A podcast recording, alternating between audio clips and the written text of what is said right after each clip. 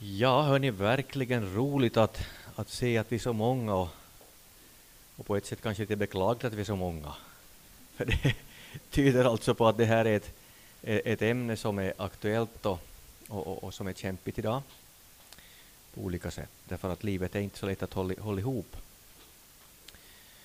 Men, men för min del så är jag jätteglad förstås att vi är, att vi är, vi är här och, och kanske någon av oss hade upplevt någon stressor när vi kom hit för att hitta det här stället, åtminstone jag fick ha lite problem att hitta hit. Men nu är vi i alla fall här. Eh, min egen resa när det gäller det här ämnet är det att, att min fru, när min fru och jag då brukar hålla lite eh, föreläsningar kring relationer så blev vi också ibland uppmanade att börja säga någonting om stresshantering och att, att klara av livet. Så jag började läsa in mig lite på det här ämnet blev stressad när jag läste om stress eh, av en speciell orsak. Och, och, det var det att, att jag mötte den tanken att, att eh, utbrändhet som man talade om förr, nu talar man om utmattning idag och det är mycket bättre. Man är, då, utbrändhet, då finns det bara askan kvar så att säga. Men utmattning är lite bättre ord. Det finns nog ett liv också efter en utmattning. Men att eh, när man skrev om de här sakerna till allra först så utgick man från att det handlar bara om arbete. Och det skrivs faktiskt 6 000 vetenskapliga avhandlingar om det här ämnet som just utgick ifrån det axiomet att eh, det här är arbetsrelaterat. Men sen när man märkte det också att, att arbetslösa blev stressade så förstod man att det finns också andra faktorer. Och, och det vet ni att fan till arbetshälsovården idag så inte frågar de bara hur, hur det står till på arbetsplatsen och hur det går med chefen och med kunderna, utan de frågar om mycket annat också, kanske till och med ditt, ditt sexliv kommer fram där också. Allting hör ihop. Men ändå så, så är det ganska mycket arbetsrelaterat fixerat fortfarande. Och så därför skriver jag en bok som jag kommer att utgå ifrån ganska mycket, som jag kallar Fri från press och tristess. Ett vidare perspektiv på stress och utmattning. Det jag ville ville lyfta fram det här att, att livet verkligen är helhet på många olika sätt och, och, och, att det finns många saker vi kan få ta tag i när det gäller stresshantering. Så det är det jag vill försöka lite det här visa på den här seminariet. Hoppas vi kan samtala lite också, kanske inte bara i slutet utan att jag kastar ut lite frågor här emellan också. Um, jag kommer att ge några enkla skisser. Ni ska inte vänta er några stora saker från dem, och allra minst när det gäller det, det här estetiska. Jag satt och, när jag var Kristin nämnde att jag var kyrkoherde i, i Larsmo, när jag satt i prästgården och ritade en gång med min son som var fem år gammal ungefär, så kommer min fru Vivian dit och tar upp en teckning och säger att tänk, hördu, tänk vad han är bra att rita. Han är ju ändå bara fem år gammal. Och ni förstår, det var min teckning hon höll höll i. Så att ni ska inte vänta er några stora saker när det gäller de här krumelurerna. Men i alla fall så, det, det är två, två saker. Först eh, ska jag försöka visa här med några cirklar eh, olika former av stress, stressorer och, och sen ska jag ge några vinnande recept, några vev, tala om V-vägen sen här senare delen av föreläsningen. Men eh, vi börjar med att rita en stor cirkel och, och, och, och så skriver jag samhälle där. För det måste ha hänt någonting i vårt samhälle som gör att eh, vi blir utmattade. Det har alltid funnits det här med utmattning. Vi möter profeter i Gamla testamentet som, som var utmattade. Men eh, nu är det ändå ett samhällsfenomen på något sätt som börjar med, med det här eh, med, med, med medelålders kvinnor. Karolinska sjukhuset har varit in, i Sverige har varit en föregångsplats där man har forskat mycket i det här. Sen eh, gick det allt mera ner i åldrarna. Drabbar också studerande. Nu vet man att det kan drabba barn också. Och eh, mer och mer män också. Fastän det är fortfarande så att, att, att utmattning drabbar mera kvinnor. Och jag har i min bok också några teser kring varför ni kvinnor är mera utsatta för det här. Men som vi ser av det här auditoriet här så är det nog aktuellt också för oss män förstås. Men bland annat ni kvinnor, ni är, ni är mera holistiska än, än, än oss män oftast. Allting liksom hör ihop. De flesta av oss män kan lite sektorisera mera. Och det kan vara en bidragande orsak. Plus att ni kvinnor enligt undersökningar väntar er mycket, mycket mer av livet än vad vi män gör. Har vi mat på bordet och frun i sängen bredvid oss så, så kanske det då räcker, eventuellt. För att nu lite karikera. Nå, samhälle. Det har hänt någonting i vårt samhälle. Jag tänker på tre saker. Samhällsförändringar. Otroliga saker som har hänt. Nu kunde vi tror jag Dagens Öti läsa, läsa om att de första biljetterna som har man köpt nu när det gäller månresan så att man säkert ska få vara med på den första resan till månen sen. Och eh, otrolig samhällsutveckling som eh, påverkar allt. Informationen till exempel. Det finns fyra revolutioner in när det gäller informationen. Det första var när man började skriva alfabetet. Det för först det här Eh, tecknar tecknade man bilder i grottorna och sen skrev man alfabetet och sen kom på 1500-talet kom då det här boktryckarkonsten. Och nu lever vi i den fjärde revolutionen, så där informationsmässigt. Det är spännande, men otroligt utmanande. Otroligt utmanande. Jag hoppas ni har av er smarttelefonen, att ni har kopplat på, lagt på tyst. Och eh, jag läste en, en, en undersökning här häromdagen. Eh, TED plus Talk är en sådär, många vi känner till, de här berömda före, föredragen där. Och, och där finns ett föredrag som bland annat handlar om det att, att redan det att man, att man är hopkrupen och böjer sig ner för att jobba med sin smarttelefon gör att man blir mindre utåtriktad och mindre stressad än om man står rak, med rak i ryggen som jag nu gör. Bara kroppsställningen påverkar oss, säger, säger, säger en forskare. Nåväl, samhälle, informationen otroligt mycket där, som handlar om för tidig information, som flickan som, som, som i dagklubben kommer och säger att, att när dagklubbledaren försöker få upp axel, axel, vad heter det, det här eh, klänningsremmen så, så säger fyra femåringen nej stopp, stopp, det ska vara så här och, och så undrar då dagkursledaren varför är det då det är mera sexigt så här. Säger du en femåring så är det för, för, för tidig information, hjärnstress, plus att vi har otroligt mycket, mycket information, för mycket information. Nå, samhällsförändringar kunde vi tala om jättemycket, men vi, vi känner alla till dem. Vi ska ändå hänga med på något sätt i utvecklingen. Sen har vi samhällsstilen, eller ja, det sätt på vilket vi lever idag. Vi lever inomhus.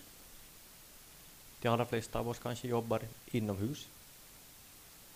Och det har inte våra förfäder gjort, det har varit utomhus. Det finns i våra gener från förr, det att man ska vara utomhus och röra på sig. Så bara det att vi hamnar och är tvungna att vara inomhus. Utsatta också för att, att dygnsrytmen ändrar, det som, den som eh, skiftar och så vidare. Allt det där påverkar oss och vårt psyke och vårt sätt att hantera livet.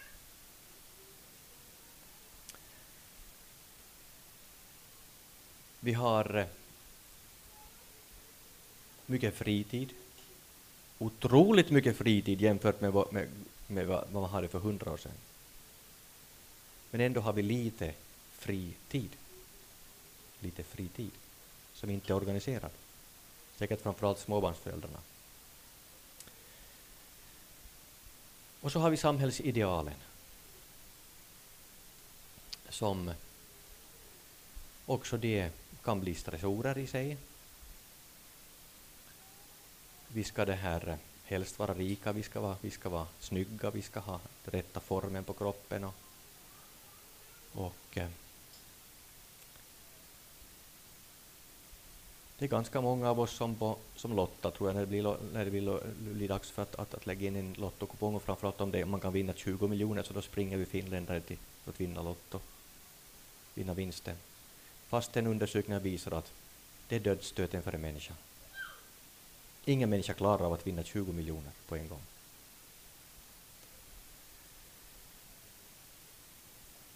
Alltså det här att, att på något sätt bara vilja, vilja, vilja, vilja ha, ha, ha, ha, ha, ha, ha mer, mera, mera. Det gör oss aldrig nöjd. Det visar både motivationspsykologin och lyckoforskningen. Både motivationspsykologin och lyckoforskningen visar samma sak på den punkten. Och att Jesus hade verkligen rätt, om vi, om vi skulle tvivla på det, så visar vetenskapen att han hade rätt när han säger att, att den som vill vinna sitt liv, han kommer att förlora det. Men den som förlorar sitt liv för min skull, han kommer att vinna det. Vi ska återkomma till det. Så de här samhällsförändringarna, samhällsidealen, samhälls... Det här, livsstilen, allt det här gör att vi kan bli stressade. Jag kommer att hänvisa till boken flera gånger här och där har jag, jag har ett sånt eh, eh, frågeformulär som man kan, eller kartläggning egentligen, så att man kan söka, söka, söka styrkorna i sitt liv och, och, och samtidigt också söka stressorerna i sitt liv och därför har jag 22 22 sådana grejer som gäller samhället. Stressorerna i samhället. Där ni sitter, bara en, en liten stund, en eller två minuter, med dem ni sitter bredvid varandra. Vad, vad, är, vad är den största utmaningen för dig när det gäller det som samhället liksom påverkar dig? Om, om du är här nu då i mitten. Så på vilket sätt påverkar samhället dig? Med idealen, förändringarna och livsstilen. Fundera sinsemellan, bara ni sitter, två, tre stycken i gången, eller med varandra. Så att ni nu inte somnar för mig.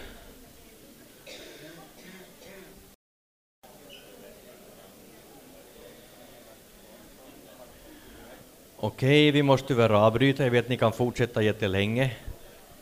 Och, och vi kunde säga mycket om det här, men är det någon, någon som vill säga någon kommentar så finns det, kan vi ge utrymme för någon, någon spontan kommentar till det här med samhällsförändringar, ideal och livsstil idag. Det är någon fråga. Ja, för ordet ja.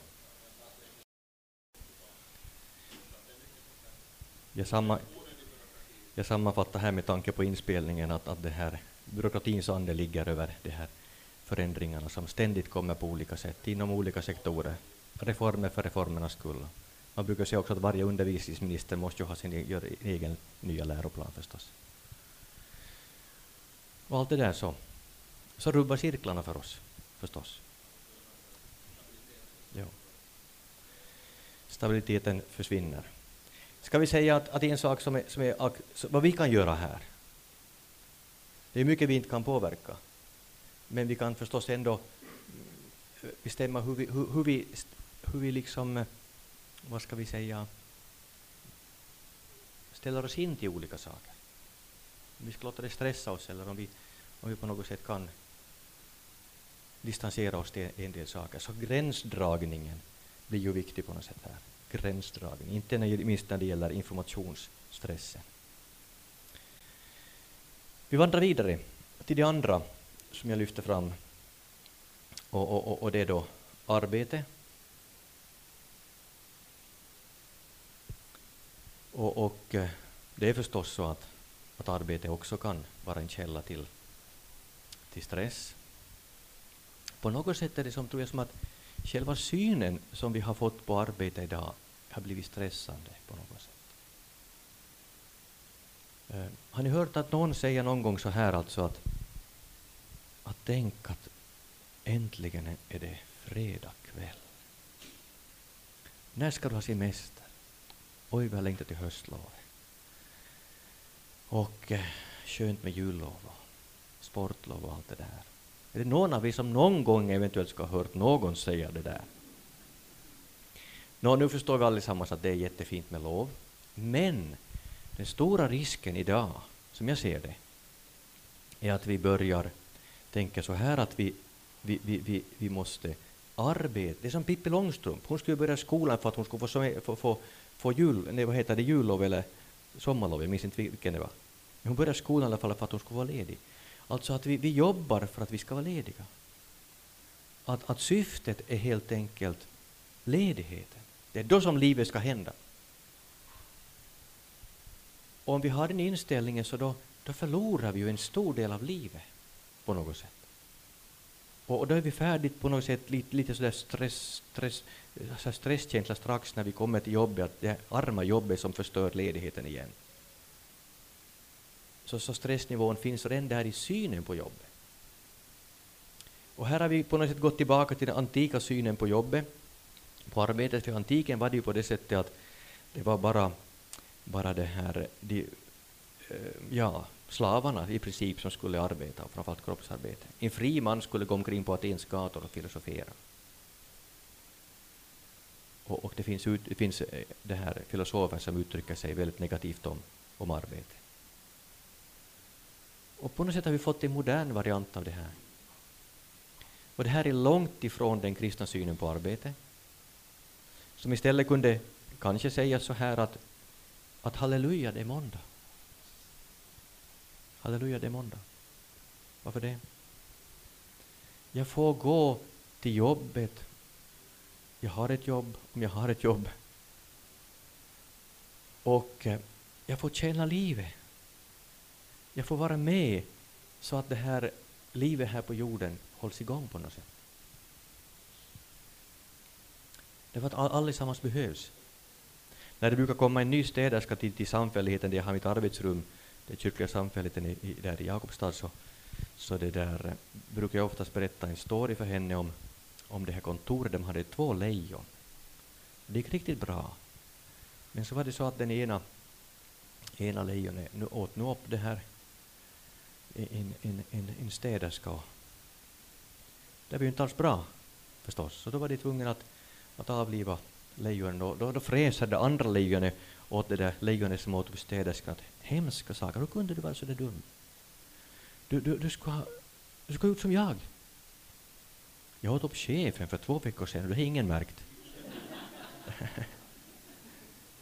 och, och, när jag någon gång har ledarskapsutbildning, vilket jag har ibland, får ha ibland, så, så brukar jag berätta det här för cheferna av två orsaker.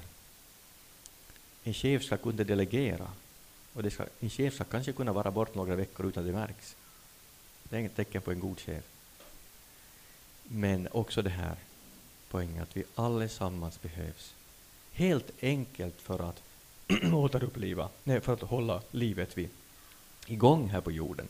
Alltså det är en gudstjänst. Vi är krist, Hur många av er har ett, förresten ett kristet arbete? Hur många av er har ett kristet arbete?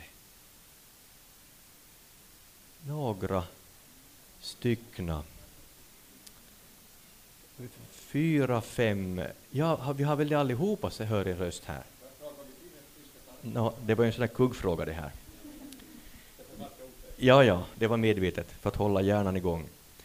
Det här, min poäng är ju detta att vi allihopa har ett kristet arbete. Vi är kristna på arbetsplatsen, inte bara när vi pratar om Jesus, inte när vi, bara när vi lever ut den kristna tron i vänlighet och kärlek och omtanke, utan helt enkelt i det att vi utför vårt arbete så är vi krist, gör vi en kristen handling. Och på något sätt, om man lite, lite tar in den här eh, attityden till arbete så kanske några stressorer försvinner. Men det är klart, inte, inte, inte, inte för alla arbetsstressorer, för det vet vi allihopa att arbetet i sig kan vara, kan vara slit, jobbigt och tröttande. Och, och om man nu tar helt kort den kristna synen på arbete som jag förstår den är att, att, att Gud arbetar ju när han skapar jorden. Gud arbetar och, och, och, och, och eh, skapelsebeten talar om arbete i en god mening. Så att, att arbetet är någonting gott alltså. Men sen kommer syndafallet som också förstås förvanskar, liksom allt annat här i livet så förvanskar syndafallet. Så att arbetet får också en ton av att det blir tungt och svettigt. Så kommer Jesus. Och han tar på sig förbannelsen för allting. Allt skrev som syndafallet ledde, ledde till. Så det innebär att Jesus egentligen också i frälsningen var med och återupprättade arbetet. Men nu lever vi här i, i, i paradoxen när det gäller allt i det kristna livet, men redan här och inte ännu. Vi är inte redan, på det, redan framme i Guds rike när det når ut i full blom. När Jesus kommer tillbaka och det blir shalom, Och då kommer vi inte att sitta på någon moln och eventuellt spela någon harpa, utan då kommer vi att arbeta. God mening. Vara kreativ. Jag, jag, jag ska skriva böcker i himlen, i det eviga livet. Det måste finnas massor att skriva om där, föreställer jag mig. Och det är nu ur det mänskliga perspektivet. Men, men, men kreativitet och allt detta hör ju, hör ju till det som Gud vill. Men, men nu lever vi då i den här spänningen att, att det är ju förstås jobbigt ibland. Men ändå på något sätt att ta in arbetet också i frälsningen och se att, att Gud vill att du ska, du, du, du ska ha det också med där i, i, som Guds barn. Um, det finns eh, några stressorer som är riktigt jobbiga i arbetslivet. Det är brist på, brist, alltså det är brist på rättvisa, om man upplever sig orättvist hanterad på något sätt. Det är om man får eh, brist på tid, man inte hinner göra det man ska göra. Brist på kontroll, man har inte koll över det man ska göra. Brist på, på överensstämmelse med arbetsgivarens värderingar blir också jobbigt i längden. Om man är bokförare och chefen kommer och säger att du ändrar den, där nollan, det kan du ändra till en etta så blir det mycket bättre där i bokslutet. Och så vill man inte bryta mot Guds bud så blir det jobbigt. Brist på gemenskap. Det är några av de här huvudgrejerna som finns när det gäller eh, stressorer i arbetslivet. Och då behöver man förstås på något sätt tänka på det här, framförallt den som är chef. Att hur kan man på något sätt motivera det här? Jag skulle vilja ha två personer fram hit. En väldigt enkel uppgift. Det är inte något svårt. Jag tror Peter till och med klarar av det som en. Och, eh, och, och vem kommer som den andra? Just, jag borde veta ditt förnamn, det minns inte jag heller. Ben var det, så var det. Och eh, nu är det så att Ben är eh, eh, Wilhelm Tell. Och hela Schweiz framtid hänger på dig om du lyckas helt enkelt få träffa det här äpplet, du får hålla i äpplet, som finns på sonen som finns lite längre bort. Så nu får du helt enkelt dra armborsten, dra pilbågen och helt enkelt sikta så att du verkligen träffar äpplet där. Och så länge du håller på så ska jag fråga varandra att, att, att vem, är stress, vem är mest stressad av de här två? Alltså, nu är det så då att, att det här hela framtid, hela sonens framtid framför allt förstås, liv och Schweiz framtid hänger på Wilhelm Tell. Och, och här har vi sonen då som är måltavlan. Och vem är mest stressad av de här två? Vad säger ni? Wilhelm Tell, säger någon. Finns det andra, andra förslag? Är ni alla överens om att det är Wilhelm Tell? Båda två? Sonen, säger du? Äpple. Äpple. Jag skulle påstå att det ändå är sonen som är mest stressad. Och av vilken orsak är, är sonen mera stressad än Wilhelm Tell? Va? Han blir sviken av sin far om han missar, ja. Inte bara det. Exakt. Sonen kan inte alls påverka det här någonting. Han är helt utelämnad av kring omständigheterna. I det här fallet om, om, om, om det här pappan träffar. Medan pappan, hela hans liv har, har handlat om det här att, att, att det här, lära sig den här pilbågen och hantera den. Så då, är ju väldigt, då blev det här som en stor utmaning i ditt liv. Tänk vilken chans, nu har jag möjlighet att rädda landet här om jag använder min gåva. Samtidigt som det är en stress också förstås. Men eh, Sonen har nog det ännu värre. Eller vad tror du Peter? Du kan ducka också. Och dit for Schweiz framtid. Ja, varsågod. Tack ska ni ha. Eh, det var lite om, om arbete. Och eh, på arbetsplatsen kan man bli stressad av för mycket arbete. Men också av vad då? för lite arbete. Också stressande. Därför att man får inte utlopp för sin egen kreativitet och inte möjlighet att påverka. Arbetet är ju ett sätt också att, att, att utvecklas som människa. Vi får använda de gåvor Gud har gett oss på olika sätt. Så kanske vi lämnar arbetet där tills vidare. Så det här tar vi det tredje som då är relationer. Som jag nu framförallt tycker om att tala om. Och eh, man kunde säga så här att eh, i, i världen i stort nu så finns det två olika sätt att tänka på relationer. Vi har, eh, eh kunde vi kalla det för kollektivismen, som finns i vissa, bland annat i, i, i arabiskt tänkande, inom den muslimska världen.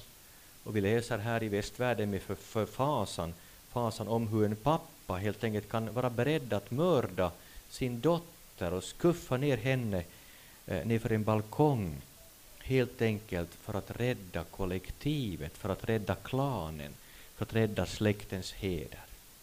Ett, ett, ett beteende som är helt otänkbart för oss, men som i, i, i, delar, i vissa delar av världen är ganska självklart. Där man tänker att det är kollektivet som är det viktiga. Det är det ena riket. Vi har handlat, vi har handlat som jag, vi hamnar, om jag förstår saken rätt, i det andra, i individualism. Där Det är individen som är det viktiga. Där Det är individen som, som det här ska utvecklas och det handlar om jag och, och, och, och eh, inte så mycket om en större helhet. Och språkforskarna säger till exempel att vårt sätt att tala har ändrats väldigt mycket under de här senaste decennierna. Förr sa man vi gör det och det. Min fru och jag, eller jag och barnen, vi gör det och det. Idag säger vi jag gör det och det. Vi har redan i vårt, vårt språkbruk också blivit mer jag-centrerat. Vi kunde ta många exempel. Vi kunde nämna lovsången, den kristna sången. Testa någon gång när du är vid ett kristet möte och man sjunger att det här, sjunger väldigt mycket jag. Eh, eller mig. Grip du mig helige Ande, drabba mig låga klar. Visa vägens riktning, ge mina frågor svar.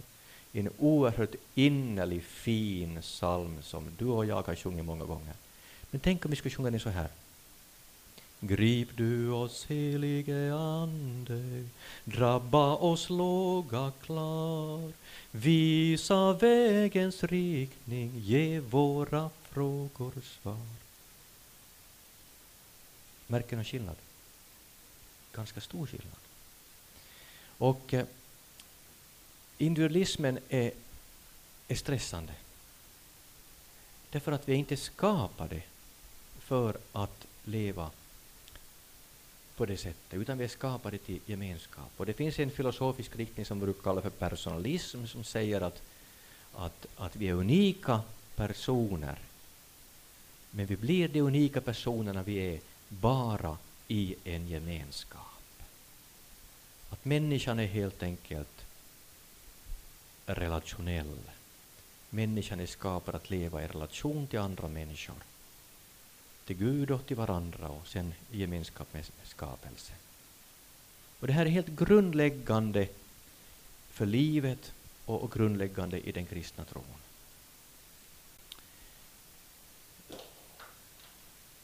Ni vet ju, ni har säkert hört historier om något barn som har vuxit upp bland vargar och beter sig som en varg. Kan inte prata, kryper, går inte upprätt. Varför det? Därför att man har inte mött en människa och blivit det som man tänkt att man skulle bli. Eh. Så det där isoleringscellen, det värsta cellen man kan tänka sig, att bli isolerad från andra människor. Och det innebär alltså att Ja, Lars nämndes här en gång och jag minns att ungdomsledaren en gång när vi hade en skriftskolsamling där i kyrkan så, så, så, sa hon det här att, att det är mötet med andra människor vi blir till. Det är mötet med andra människor vi blir till. Det är väldigt fint sagt. Och, eh, och så är det ju. Det innebär alltså att, att du är inte densamma när du far ut från det här mötet som du var när du kom. Och inte jag heller. Vi påverkas, vi formas hela tiden i relationen med andra människor. Antingen positivt eller negativt. Och det innebär också att vårt DNA är kärlek. Att vi är kallade att leva i kärlek till andra människor. Och när inte det sker så går någonting sönder. Vi ska återkomma till det sen lite senare. Men relationer alltså visar undersökningar, man frågar, man frågar eh, ett hundratal experter i USA på det här med stresshantering, vad påverkar livet mest? När det gäller stressen, är det, är, det, är det motionen, är det hälsan, är det relationer? 80 procent säger att det är relationer som påverkar livet allra mest. Och du vet hur mycket vi satsar på motion i vårt samhälle och vi satsar på, på, på, på, på hälsosam kost och allt det där ska vi göra. Men det är ändå på det sättet som en professor i Håvard säger alltså att det är bättre, jag tycker om det här citatet, det är bättre att äta chips tillsammans än broccoli ensam. Men det bästa är ju att äta broccoli tillsammans förstås. Så att inte någon tänker att här, nu går vi och köper massor med chips här nu. Det här, jag tycker det, det, det här är en sån självklar sak som vi inser, men tänk vad vi på något sätt missar i samhället på den punkten. Hur lite vi egentligen vågar satsa på friskvård av relationer. Jag är så glad att Peder Söderborgsteri har gett oss möjlighet att hålla äktenskapskurser, att vi på nytt på tisdag ska få börja igen med, med nästan 30 par i Kyrkostrands församlingshem. Och, och, det är nu bara en liten, litet försök att på något sätt med det, att, att göra någonting åt det här, men det bygger alltså på den här, på den här insikten att eh, relationer påverkar livet så otroligt mycket. Och här vet vi att vi allihopa har våra har, har svårigheter och har, har, våra förluster och ingen av oss har lyckats fullkomligt på den här punkten. Får också återkomma till det. Men att ändå på något sätt veta det här i, på arbetsplatsen, veta det här i hemmet, i förhållande till barnen. För det handlar ju om då att vi behöver helt enkelt det här, göra någonting åt våra relationer. Det funkar inte bara av sig själv. Några kommer att vara med på kursen i höst, men jag ska avslöja en liten sak. Vi kommer att ha två blom, blomkrukor där framme. Och, och vi säger ingenting till någon. Sen efter två, tre gånger så kommer man att märka att den ena blomkrukan har vissnat. Och det som har hänt är det att jag har sagt åt, åt, åt städerskan att vattna bara den ena blomman. Och så kan jag säga åt deltagarna att märker ni? Jag var till Sunds här, lite reklam, eh, och, och, och det här köpte två identiska eh, blomkrukor. Samma jord, samma möjligheter, samma gener nästan. Och den ena blommar den andra håller på att dö. Enda skillnaden, den ena har fått vård och den andra inte. Alla som kämpar med brustna relationer vet, och dit har vi allesammans på någon punkt, vet hur jobbigt det är. En skilsmässa kan behövas ibland som det minst onda av två onda saker, men den är alltid jobbig. Så det här får vi på något sätt också tänka på. Och, och ha med när vi tänker på hur vi mår och, och vad vi ska satsa på.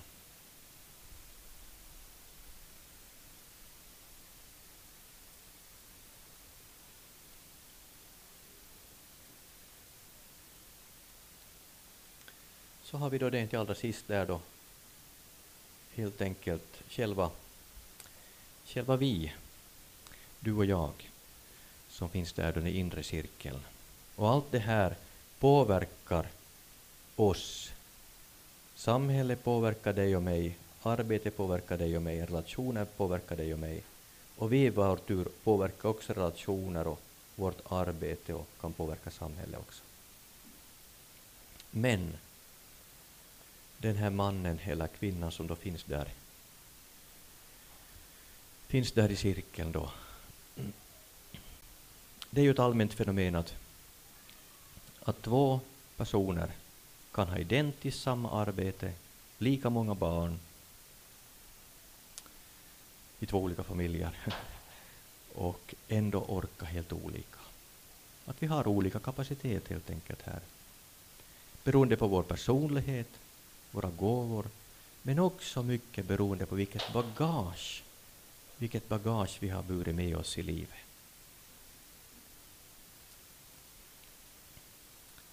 Och eh, jag kommer mer och mer fram till det att det, det är två saker som, som mer än något annat påverkar livet. Och i själavården så tycker jag att ja, man får helt enkelt gå, fra, gå tillbaka till det hela tiden. Visst påverkas livet också om vår hälsa och, och, och, och ekonomin och, och, vad som händer runt omkring oss på olika sätt. Men i, men i grund och botten, när det gäller att hantera allt det som livet bjuder på, så är det, är det två saker som, som vi behöver vara medvetna om. Jag skrev en bok här i somras, en roman som jag aldrig tänkte jag skulle skriva, Den tomma ramen, om, lite om Lars mot kyrkas altartavla utifrån det. Och, och där kom jag väldigt mycket in på de här sakerna. Det handlar helt enkelt om sår och synd. Om sår och synd. Som är helt olika till sitt karaktär. Två helt olika saker och, och behöver två olika eh, botemedel. Jag minns så bra en, jag skulle uppvakta en 85-åring, tror jag det var, och jag hinner knappast komma in genom dörren förrän hon säger att hörni, ni präster har ingenting att säga mig, så varför, varför kommer du hit? Och det är väl en av de här bästa uppvaktningarna jag har fått vara med om. För sen när vi började prata så förstår jag att, att hon hade ett livsår som var öppet och när hon då hör det kristna budskapet och, för, och får, ganska ofta får höra att du ska, för, du ska be om förlåtelse, så funkar det inte, funkar det inte i hennes liv. När det var såret som var det stora problemet. Såret det är helt enkelt det som andra människor gör fel mot oss. När vi inte får den där kärleken, inte acceptansen, inte erkänslan, inte uppskattningen, utan tvärtom då istället kan bli slagna, förbigångna, eh, mobbade, våldtagna, allt vad det kan vara, från mindre saker till grövre saker, så man får ett sår i livet. Det finns bebisar som föds med blåmärken på kroppen därför att mamman har misshandlats under graviditeten Alltså så fort kan ett sår alltså uppstå i livet. Och det här kan ju matas på då förstås under livets gång på olika sätt. Och, eh, och bli en sån här individuell stress som vi kan kalla det här då.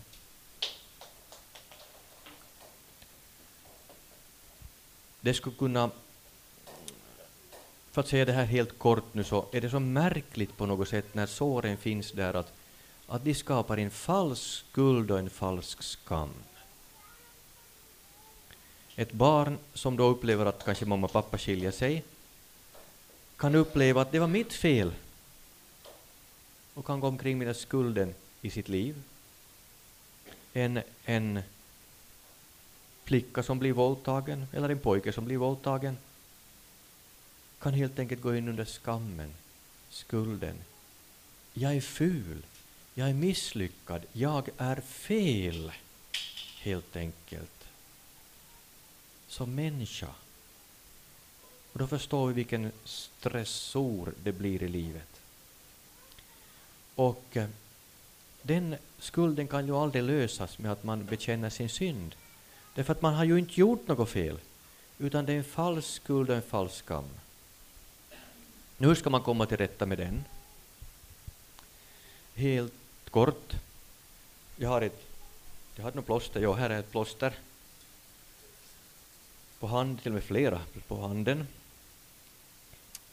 Det är nog riktiga, det är inte bara för att söka en illustration. det här, om jag får ett sår i livet så, så måste först såret renas. Såret måste renas. Och hur renar man såret? Jo, genom att prata om det som har hänt, med erkänna det var fel det som hade hänt, det borde inte ha fått hända det här, det var fel, den personen gjorde fel mot mig. Man är arg, man vredgas, man, kan, man gråter, man går kanske till själavård, till terapi, man bearbetar på olika sätt det här såret. Utgående och, och, och, inser detta, det var fel och ger uttryck för känslorna kring det. Och, eh, och mycket psykologi och terapi handlar om det här. Och, och det är riktigt och viktigt. Men ibland blir, upplever jag på något sätt att det blir på hälft. För vad hjälper det hur mycket man gräver i ett sår och försöker rena det om man aldrig sätter något plåster på det såret? Och vad är plåstret då? Jo, plåstret är helt enkelt detta att man inser att den enda möjligheten för att jag ska komma vidare i livet, det är att jag förlåter. Att jag väljer att inte anklaga den som hade gjort det här, det var fel, men jag slu, väljer att inte anklaga utan förlåter istället. Av vilken anledning? Jo, av den anledningen att ska jag räkna med att få förlåtelse av någon så måste jag också vara beredd att förlåta. Jesus säger det. Förlåt oss våra skulder som också vi förlåter. När ni ställer er och ber så förlåt då den som ni har något otalt med. Då ska också er himmelske fader förlåta er era överträdelser. Det funkar inte livet annars. Eh, och, eh, men ändå så kan det vara så jobbigt. Och jag träffar så många som har kommit och sagt att också kristna människor, de kunna vara med i kristna sammanhang hur länge som helst och säger jag har inte ännu kommit till den punkten att, att jag kan förlåta. Och då skulle jag vilja säga att vill du, vill du, vill du helt enkelt inte leva med Gud? Vill du, vill du, vill du inte ta Gud på allvar? Vill du inte, vill, du, vill du inte att vara med Gud i evigheten? För så allvarliga saker handlar det om. Och då är det ofta ett missförstånd och det är det att man tänker att jag har inte ännu på, liksom kommit, blivit, fått, fått så fina känslor mot den här personen att jag skulle komma, kunna förlåta. Tycka att jag kan förlåta. Man måste komma till viss punkt på något sätt. Istället för att se att om jag ska lägga ett plåster på det här så då är det en viljehandling helt enkelt. Jag, jag tar fram plåstret och så lägger jag på plåstret på handen. Och så är det också med förlåtelsen. Det är en viljehandling där vi väljer, tar kraft ur Guds förlåtelse i Jesus Kristus. Och här finns det ju den kristna nationen oerhört styrka när vi också kan säga att i Jesu Kristi namn, för Jesu Kristi skull förlåter jag dig. Men var medveten om att det är alltså en, en, en viljeakt som inte innebär att såret är helt. I, i, inte det här såret helt nu som jag har, har här under plåstret. Utan rör det vid någonting så tar det slut. Men i och med att plåstret är där så kan helande processen börja. Så det innebär inte att om man tycker då att, att nu tänker jag igen onda tankar om den här personen, eller nu har jag jobbigt fortfarande med den här som gjorde det här, att, att nu borde jag liksom börja förlåta igen. Och att förlåta igen innebär inte att man behöver gå fram till honom heller, utan det kan vara en död person, utan det handlar om att förlåta inför Gud. Ofta. Det här. Men då, då får man tänka sig, jag har, jag har lagt plåstret, jag har förlåtit. Och, nu, och, och det, det, har hänt. Och nu vill jag istället bara välsigna och be för den här personen. Så att det här såret blir helt. Här har vi en oerhörd resurs i den kristna traditionen. Som sagt, det är mycket sekulär, sekulär människohjälp. Ibland blir på hälft helt enkelt. Ja, ja.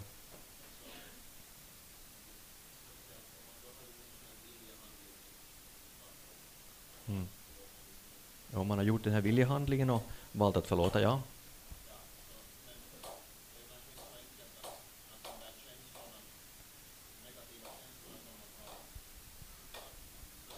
Nej.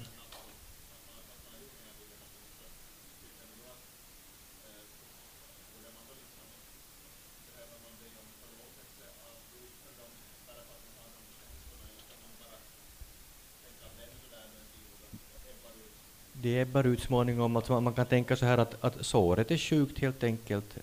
Det hjälper inte såret helt för att jag lägger plåster på. De negativa känslorna det, de ger med sig småningom när man utgår från detta, jag har förlåtit och nu, och nu, och nu, och nu vill jag välsigna den här personen. Man kommer att ha negativa känslor, de kommer gång på gång fram tillbaka. Det kan också bli, bli, ett, bli ett, ett ärr från det här som finns där hela livet. Men, men småningom förr eller senare så vet man att såret är helt, men man, det finns ändå som en ständig påminnelse. Det där hände i mitt liv en gång. Nådig mot sig själv. Absolut. Ja.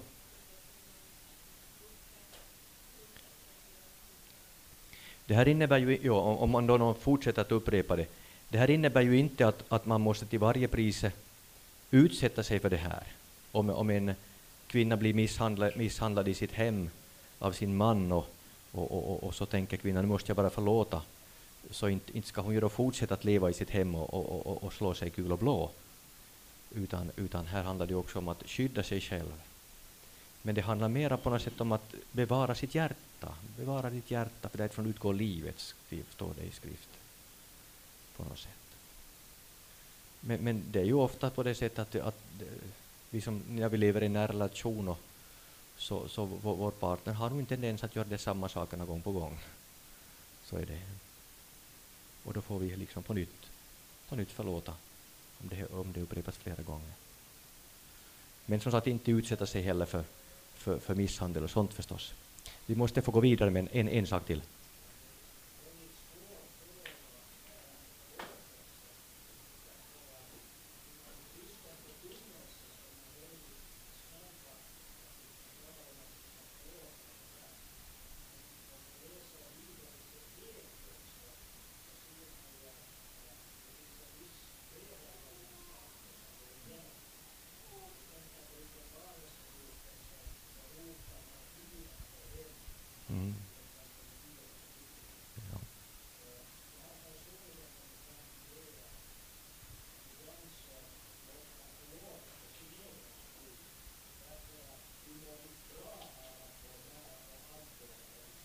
Absolut, ja.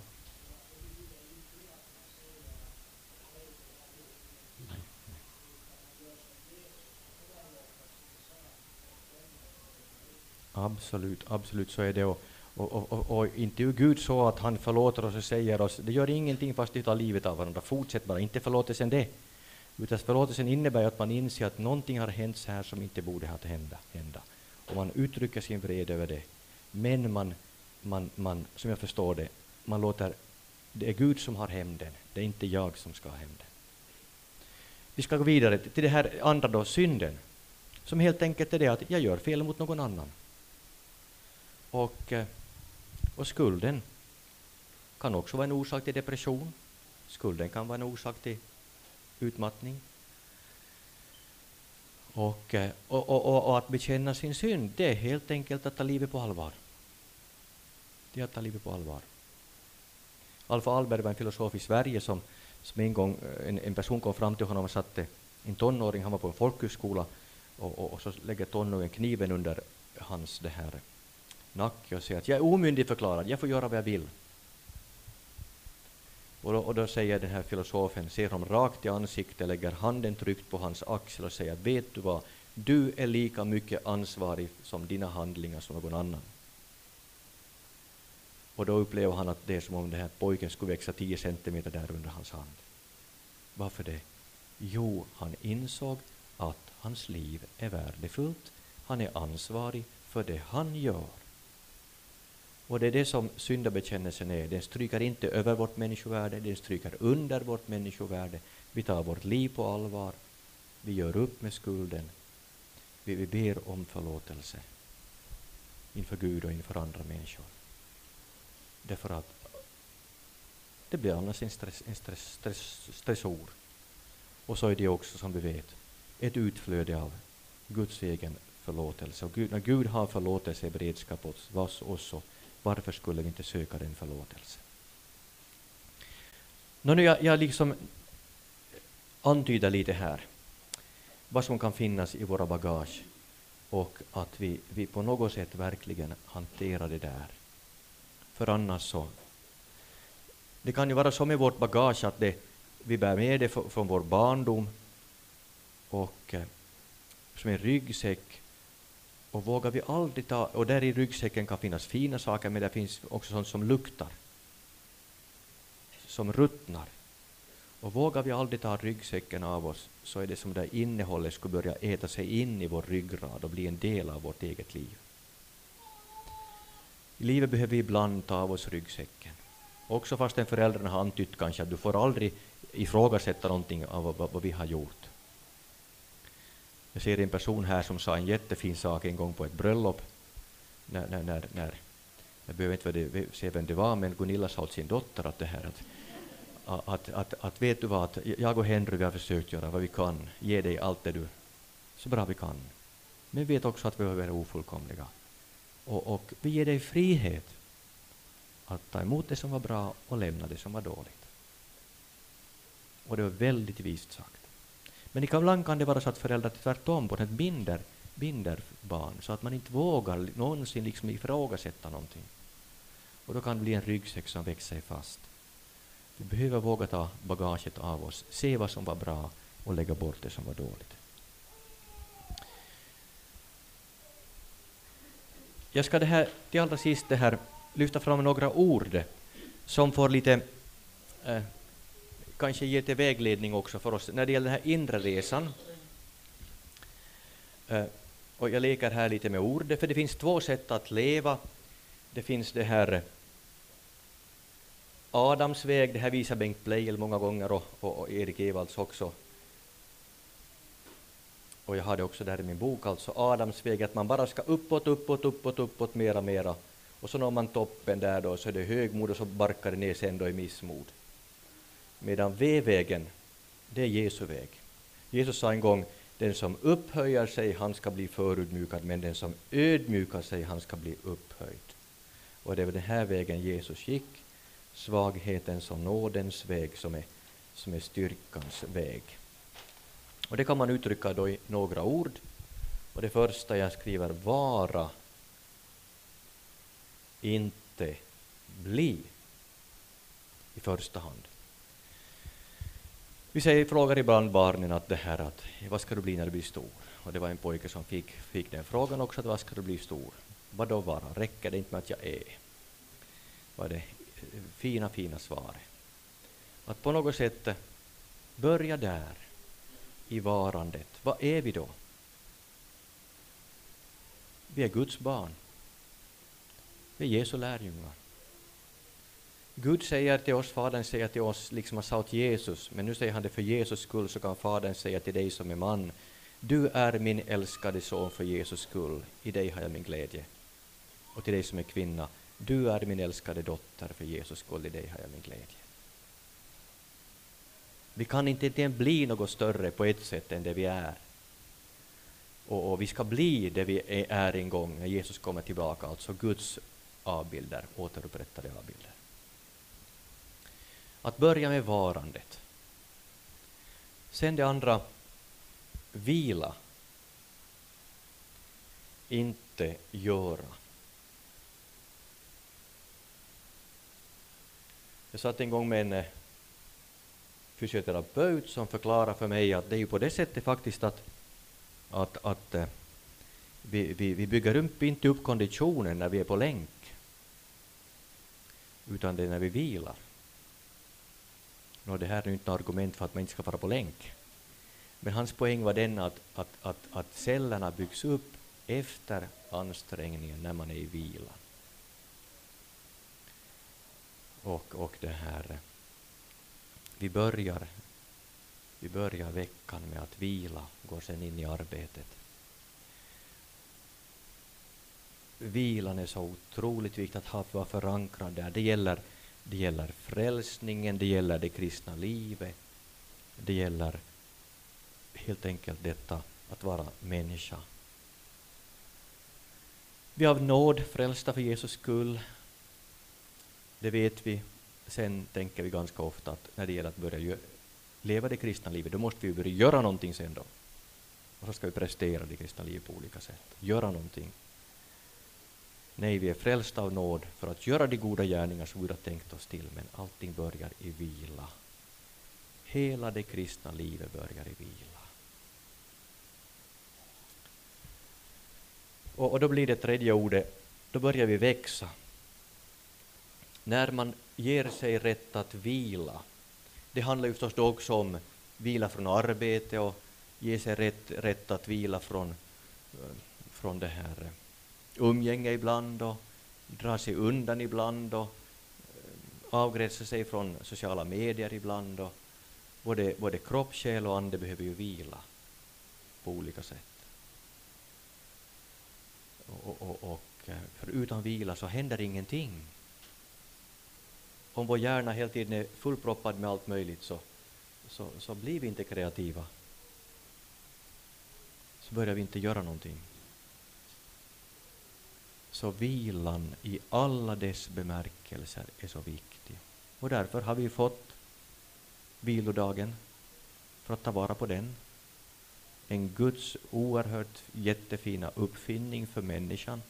Att människan är inte tänkt att jobba, jobba, jobba alla dagar, utan vi behöver vila på olika sätt.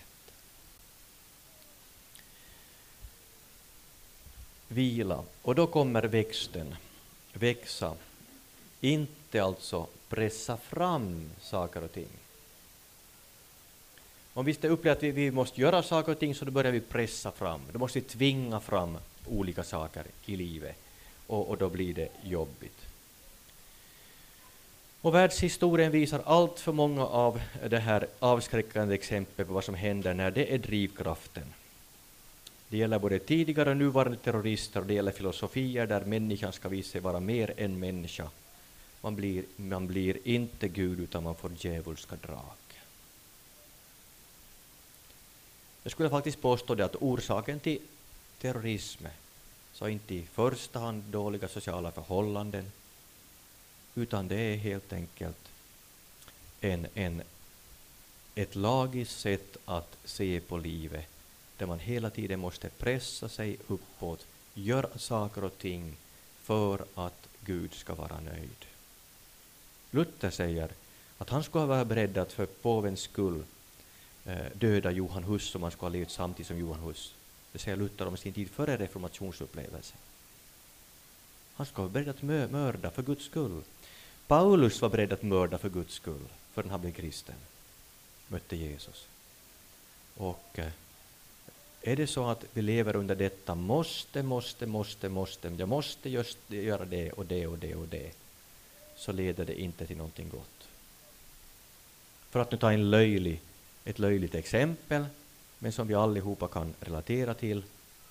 Om vi säger mycket åt våra barn före jul att se nu till att ni är snäll om ni ska få några julklappar. Att ni vet ju hur det är, att det är bara den som är snäll som får något tom, får några julgåvor av tomten. Och ni vet ju att tomtarna går ju här utanför varje kväll och tittar efter hur ni uppför er. Så försök nu hålla er i skinnet, kan vi vuxna säga för att vi ska klara vår stress. Vad händer? Det händer ingenting gott. Ingenting gott. Eventuellt kan det bli, bli eh, det här lugna en stund, men om man ska växa upp med den tanken att jag måste, jag måste, jag måste göra det här nu för att mamma och pappa ska tycka om mig och för att jultomten ska tycka om mig, så skapar det ingenting gott. Och det är det här som är det lagiska väsendet, det är det här som är är terrorismens väg. Det är det här som är köttets väg, som är Adams väg, som är det som är gärningslära på olika sätt. Medan däremot, ja, det är julaftons budskap. Den som är snäll får presenter. Medan julmorgon säger, därför att ni inte har varit snälla så har Gud sänt sin son. Trots att ni inte har varit snälla så sänder Gud sin son. Och Paulus kan skriva på ett sätt, sätt att Guds nåd fostrar oss att avsäga all vår ogudaktighet. Tänk det. Inte alla lag, inte buden. Buden gör faktiskt ingen människa bättre. Buden behöver vi, behöver dem. Men buden gör ingen människa bättre. Utan det är Guds nåd. När vi tar emot den, börjar vila i den och växa i den, då behöver vi inte pressa fram saker och ting, utan då börjar livet det här leva och då kan vi börja vandra. Vandra istället för att stressa eller springa inte stressa. När vi får slappna av på något sätt, vara oss själva, se att vi inte, inte har vi någon större position vi måste, måste, måste få, vi, vi har ju det största redan.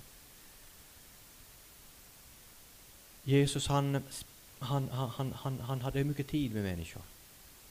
Han stannade, han såg, han satte sig, han sträckte ut handen, han sade. Fem härliga ord som börjar på S. Sen var han nog stressad också av de yttre omständigheterna, vet vi ibland, så att han, att han det här svettades blodsdroppar. Men, men det är en annan sak. Vandra inte stressa. Och eh, jag är väldigt fascinerad av bönen Fader vår. Och eh, håller just nu på att skriva en bok om, om det, som, som en bönekurs i bönen Fader vår. Och, och, när man tar vara på bönen Fader vår, då, då, då förs man absolut in i det här på något sätt automatiskt.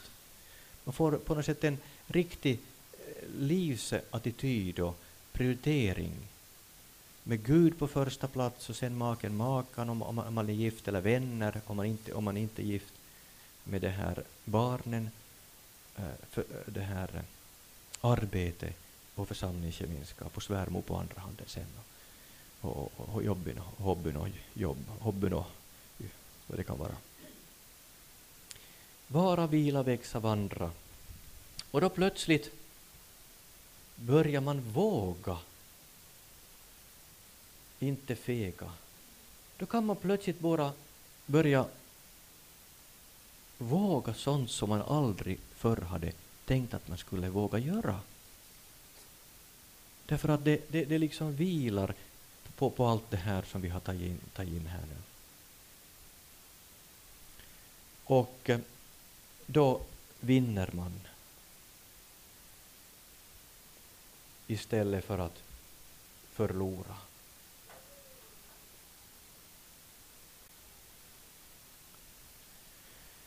Men då vi i vår tid, vår tid ofta då vill ha de stora segrarna och strax få positionen, få, få karriären, få visa upp fasaden i sociala medier eller på annat sätt och, och ska strax gå dit till vinsten så, så funkar det absolut inte.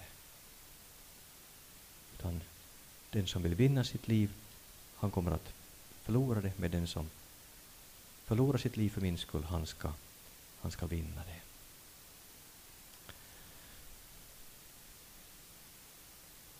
Nu kan vi ta lite längre tid för, för spontana tankar och frågor. Ja.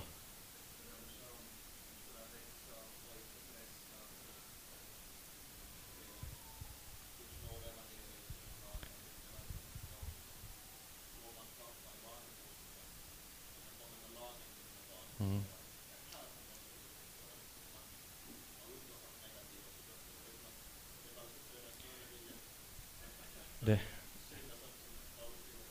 Så är det.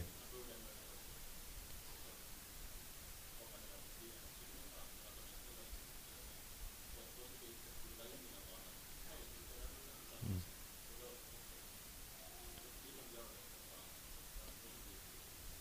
Så är det. Att buden, kraven, kraven dödar helt enkelt på olika sätt. Ja.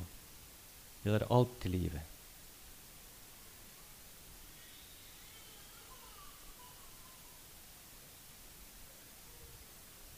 Mera tankar? Ja? Mm. Med gränsdragning. Jag måste liksom sätta in med tanke på inspelningen. Mm.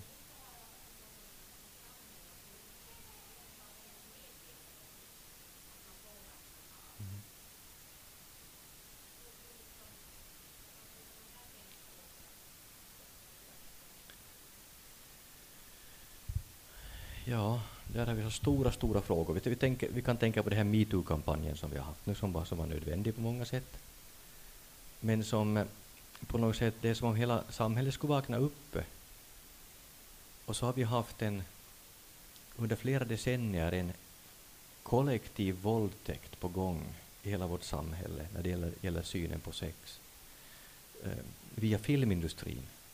Och vi har tänkt att filmindustrin, film, det är ju bara filmer, det är ju bara filmer, det är ju bara filmer. Men nu mörkerverkar vi då att det som filmer har gjort reklam för i 20, 30, 40 år, nu på något sätt. Nu finns det på verkstadsgolvet, i hemmet, på arbetsplatserna. Vi, vi liksom kördar på något sätt bara det som hela tiden har, ha, ha, ha, ha svällt vält över oss. Och, och, och här på något sätt så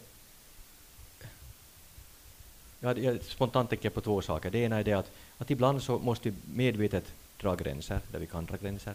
Och det andra är på något sätt att, att leva så nära Herren själv att vi på något sätt skulle kunna bevara vårt hjärta så att vi, att vi, att vi har skydd på något sätt mot, mot det som sker. Att inte vi tar in, tar in vad som helst i vårt inre. Det påverkar ju oss. Tänk på reklamen. Alla vet vi ju att reklam är reklam. Eller vad? Så inte tar vi ju reklamen på allvar. Ingen av oss, eller vad?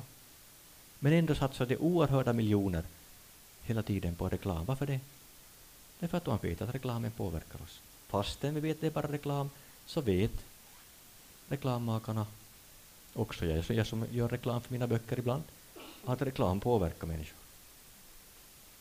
Och, och, och, det gäller då också allt det övriga som vi sköljs av, över av, av i samhället på olika sätt. Ibland medvetet dra gränser och sen på något sätt skydda vårt hjärta. Så att det finns ett inre skydd på något sätt mot det som sker. Vi gör på det sättet att vi tar en sån där en eh, liten grej när ni sitter igen. Säg till dem ni sitter bredvid mig, vad tar ni med er från den här eftermiddagen? Från det här seminariet. Vad tar ni med er från det här seminariet? Så knyter ni ihop för er själva på något sätt. Ja, nu kommer en fråga eller tanke här. Ja, en fråga.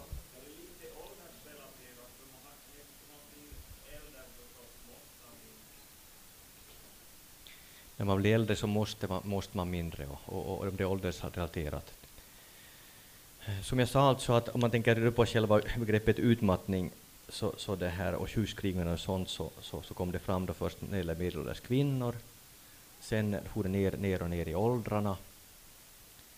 Och eh, jag har inte läst någon undersökning ännu att det ska ha stigit i åldrarna så väldigt mycket. Det här utan, utan nu är det ju väl så att, som lite, som lite antyder, att när man blir äldre så, och, och så, så, kan det mera vara och mindre bli då. Nu är det väl så.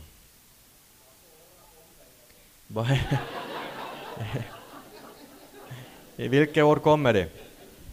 Ja, no, så det, det, det, det är på det sättet, hör du, att, att för somliga kommer det väldigt sent. Det var ju på det sättet. Men, men nu ska vi säga att, tror jag att ändå att vi, vi ska ta vara på den här, alltså nu, nu kan ju också en, en åldring, eller äldre person, vara, vara det här, eh, inte kanske utmattad, men trött på att leva. Det är ju skillnad på att dö eh, trött på livet och jämfört med att trött på att leva.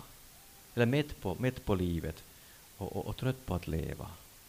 Så det är viktigt att vi hela livet liksom bevarar vårt hjärta, bevarar vårt hjärta, för därifrån ingår livet.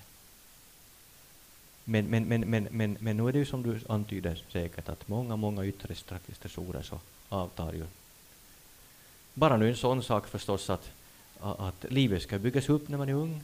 Man bygger bos, man bygger hus, karriären ska byggas upp, man har lån, man har småbarn, man jobbar mest övertid de åren när barnen är små, när man skulle mest behöva vara hemma förstås.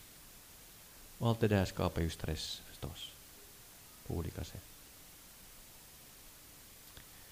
Ja.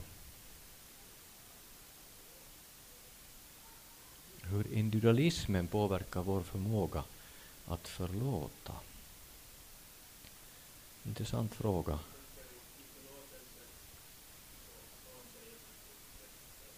Mm. Och, och för, man, kan förlåta, man kan bara förlåta en relation. Så, ja. Så det här, så nu, nu måste ju det svaret eh, vara det att individualismen så, som betonar individens egen rätt att göra vad man vill och hitta på sina egna normer och, och, och, och, och leva ut som man själv vill så, så, så, så gör att man lättare har att generalisera, bortförklara sin skuld så att man inte behöver be om förlåtelse. Det måste ju bli på det sättet. Jag har aldrig tänkt på den frågan. Tack för den.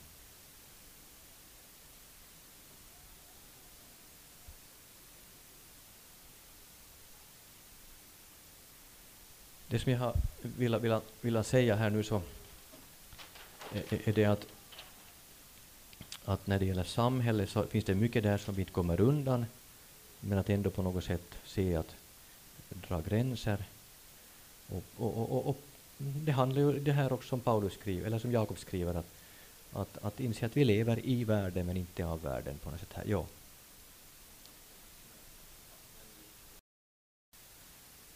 Samhälle i världen men inte av världen. Arbeta.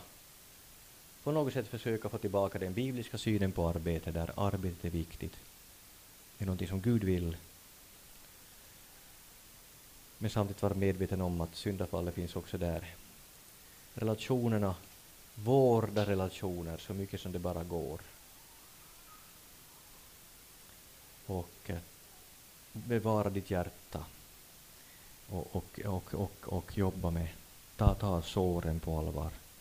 Gå till själavård, gå till terapi, gå till förbön eller sår och, och till bikt när det gäller, gäller synden.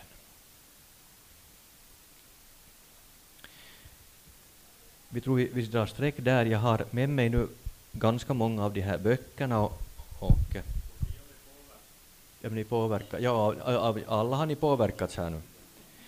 Den här eh, får man köpa här för 10 euro styck. Det får inte så billiga någon annanstans. Och som sagt, här finns då också en kartläggning när man kan lite kartlägga sig.